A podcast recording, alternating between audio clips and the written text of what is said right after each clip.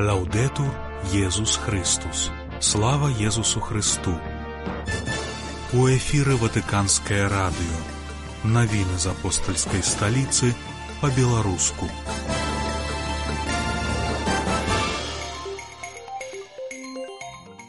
Прапаведнік папскага дома звярнуўся да рымскай курыі з велікапосным казаннем. Архіпіскап Шаўчук заклікае да салідарнасці з Украінай. Наша рубрыка знаёміць з хрысціянствам у беларускай літаратуры. 23 лютага вас вітае Александр Панчынка.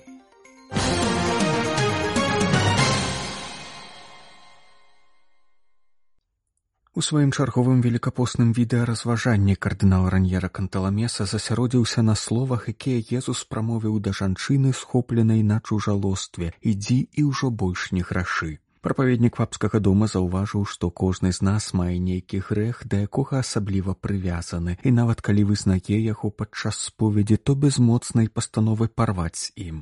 Кардынал звярнуў увагу на досвед, які святы Аўгусцін згадаў у споведзі, апісваючы сваю барацьбу з грахом пажадлівасці. Быў такі момант, калі ён прасіў Бога, кажучы, адары мяне чыстасцю і ўстрыманасцю. Толькі нейкі голас падказваў, але не адразу пане. І вось настаў такі момант, калі ён закрычаў сам да сябе, навошта ж толькі заўтра, чаму ж не цяпер. Яму дастаткова было сказаць хопіць, каб адчуць сябе свабодным заўважыў прапаведнік, а што канкрэтна павінны зрабіць мы. Дастаткова стаць на хвіліну ў прысутнасці Бога і сказаць яму: « Пане, ты ведаеш маю слабасць, таму давяраючы толькі тваёй ласцы, кажу табе што адгэтуль хачу сказаць хопіць гэтай прыемнасці сваволлю сяброўству траўме фінансавым афёрам. Гэтаму граху які ты і я добра ведаем. Я кажу хопіць і прыходжу каб атрымаць тваё сакраментальнае прабачэнне. І магчыма зноў упадзеш але для бога нешта змянілася. Твая свабода стала на яго баку. Цяпер ужо абодва будзеце змагацца з тым самым ворагам заключыў кардынал канталамеса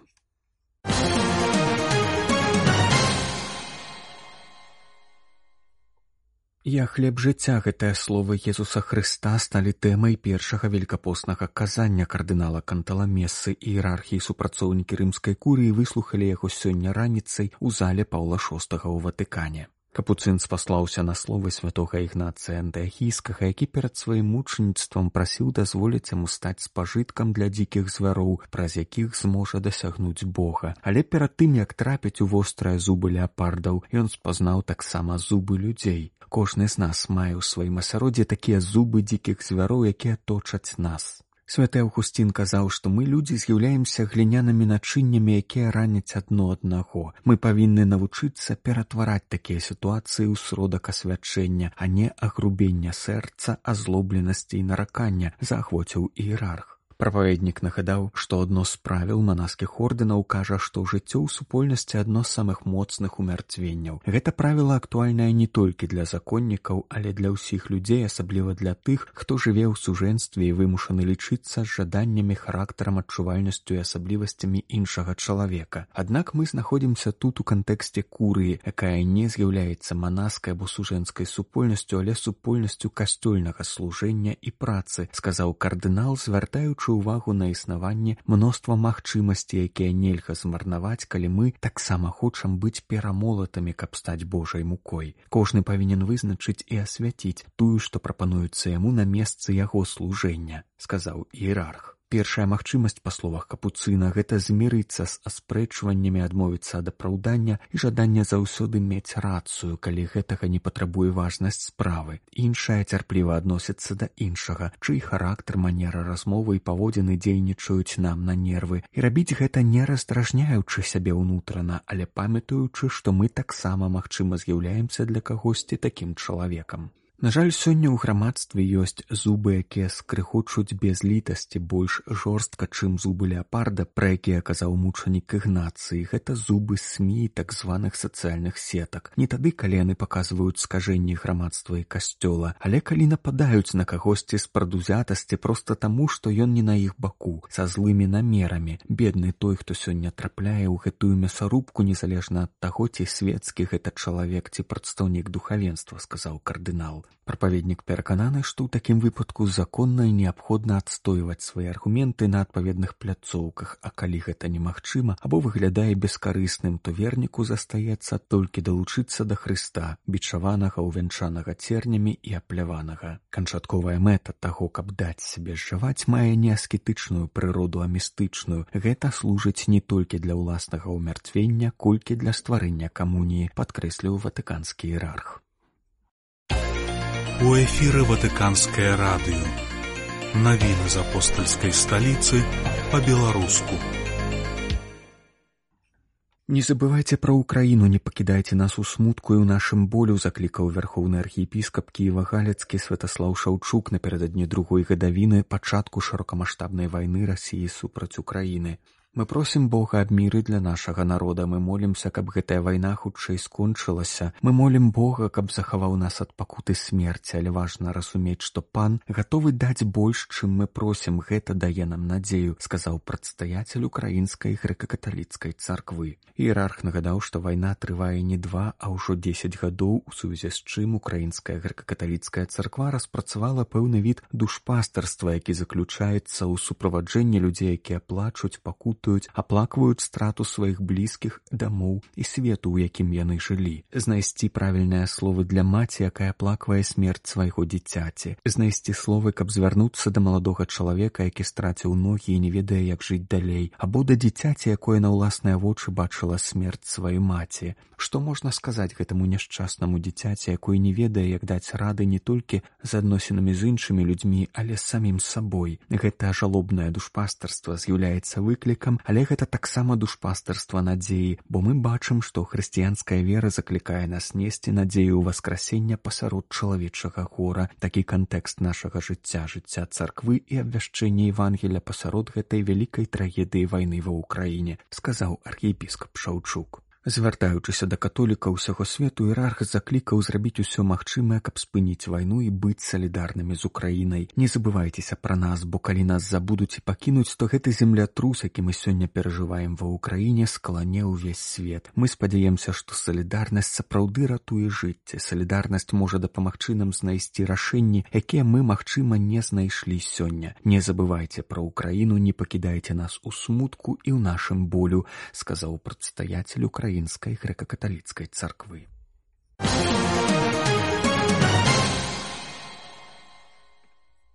Цярпенне мірных жыхароў ва ўкраіне нельга ігнараваць гуманітарная дапамога і чалавечая салідарнасць па-ранейшаму вельмі неабходная для выжывання, таксама як знак надзеі. Гуманітарныя арганізацыі, якія працуюць у рэгіёне, звярнулі ўвагу на мноства забытых ахвяр вайны ва ўкраіне, пажылых няпаўнаспраўных жыхароў вёскі і дзяцей, якія сутыкаюцца з асаблівымі праблемамі. Пра гэта гаворыцца ў спецыяльных заявах да другой гадавіны паўнамасштабнай расійскай агрэсіі, якая распачалася 24 лютага 2022 года. На сёння як вынікае з данных 17 мільёнаў 600 тысяч украінцаў залежаць ад паставак дапамогі на становішча пажылых людзей непаўнаспраўных асобаў звярнулі ўвагу карыта з германіі і арганізацыя дапамогі хендикап интернейшнл вайна ўжо пакінула ў зямлі шмат неразарваных боепрыпасаў і мін якія адрэзалі раёны вакол харкавай дняпра на ўсходзе а таксама вакол мікалаева і херсона на поўдні ўкраіны ад рэшты краіны краіны. Многія з тых, хто застаўся ў прыфрантавых вёсках, асабліва пажылыя непаўнаспраўныя асобы, часам нават не адважваліся пакінуць свае небяспечныя месцы жыхарства. За нашымі навінамі вы можете сачыць на інтэрнэт-старонцы ватикан кропка бівай.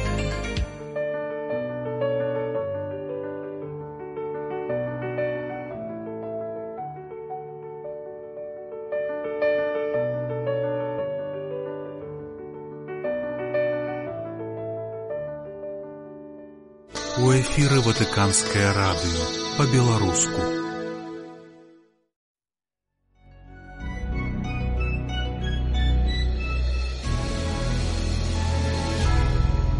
Хрысціянства і літаратура.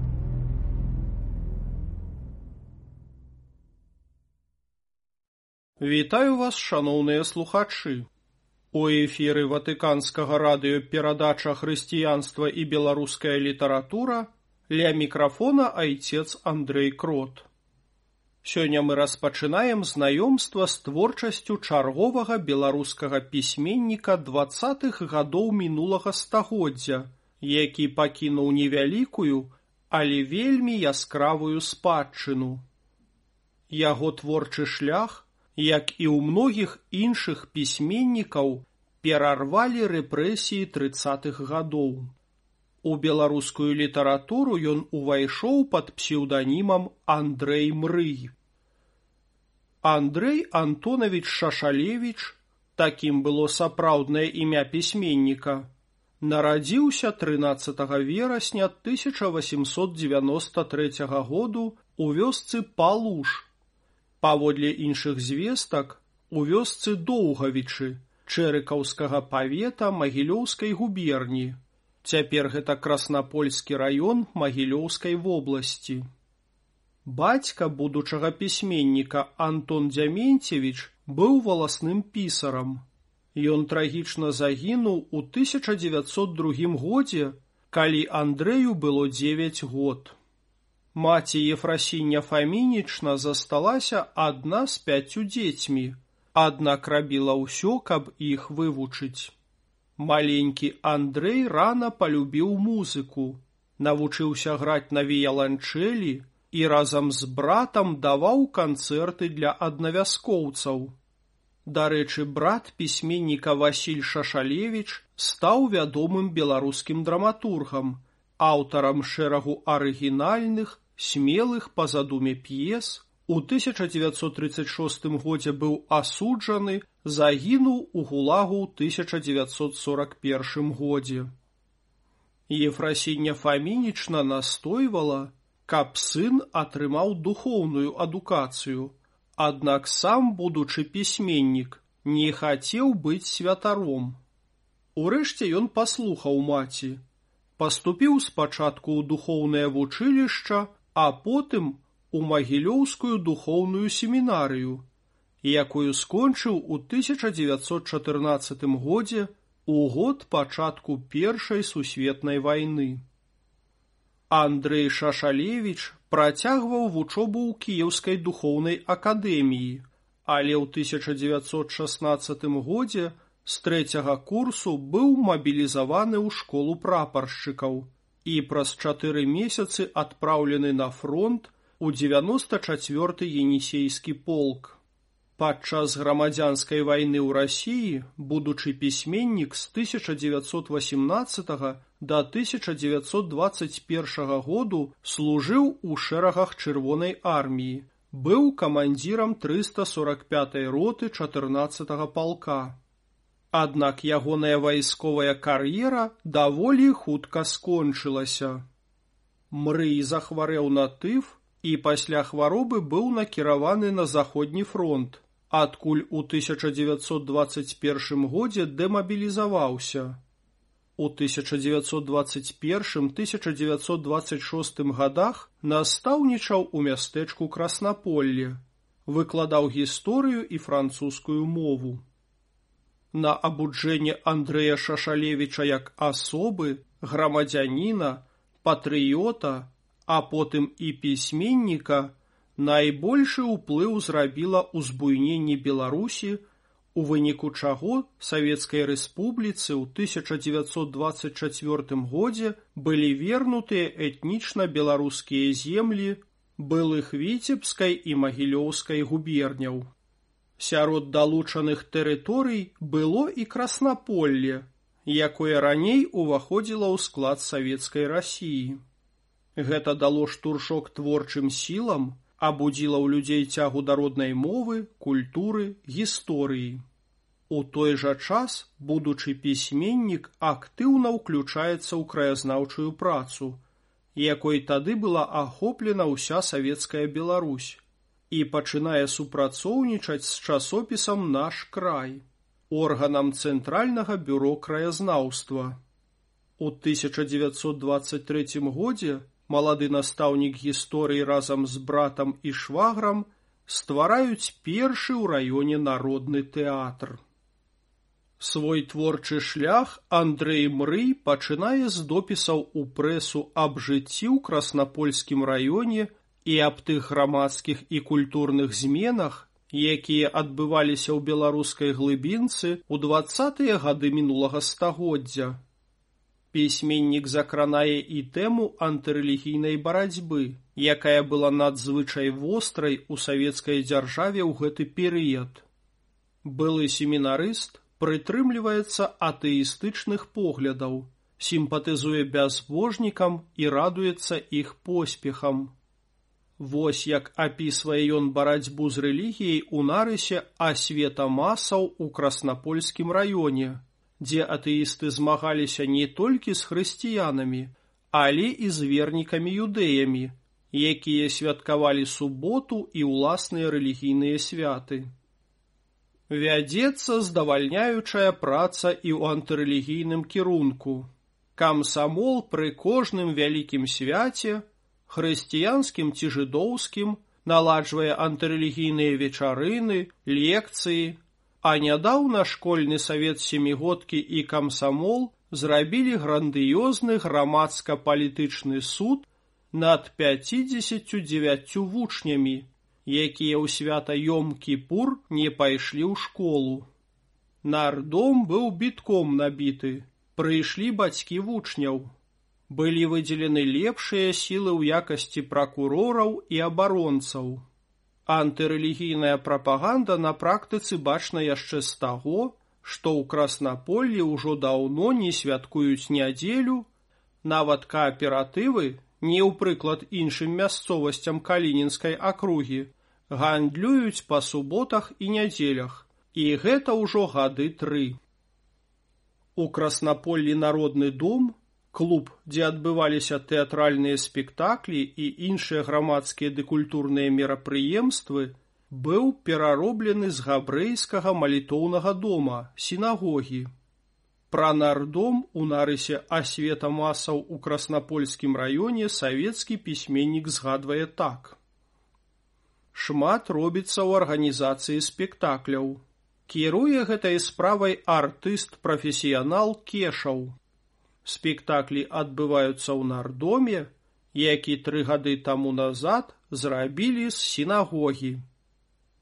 Царкву ж у краснаполлі, як самы высокі будынак у мястэчку, мясцовыя савецкія актывісты хацелі перарабіць на радыёстанцыю.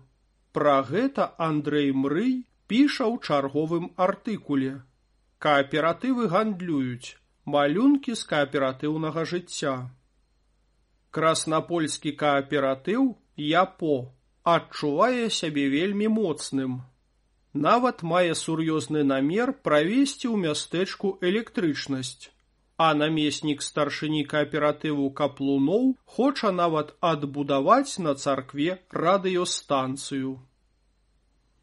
Гаворку пра рэлігійныя матывы ў творчасці андрэя мрыя мы працягнем праз тыдзень А сёння з вами развітваюся. Заставайцеся з Богом.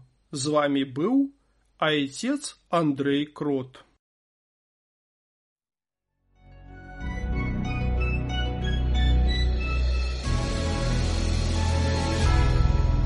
Хрысціянства і літаратура.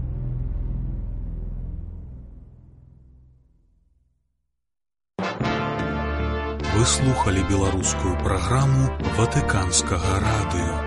За нашымі навінамі вы можете сачыць на інтэрнэт-старонцы ватикан кропка бівай. Слава Езусу Христу! Лаўдету Езус Христус!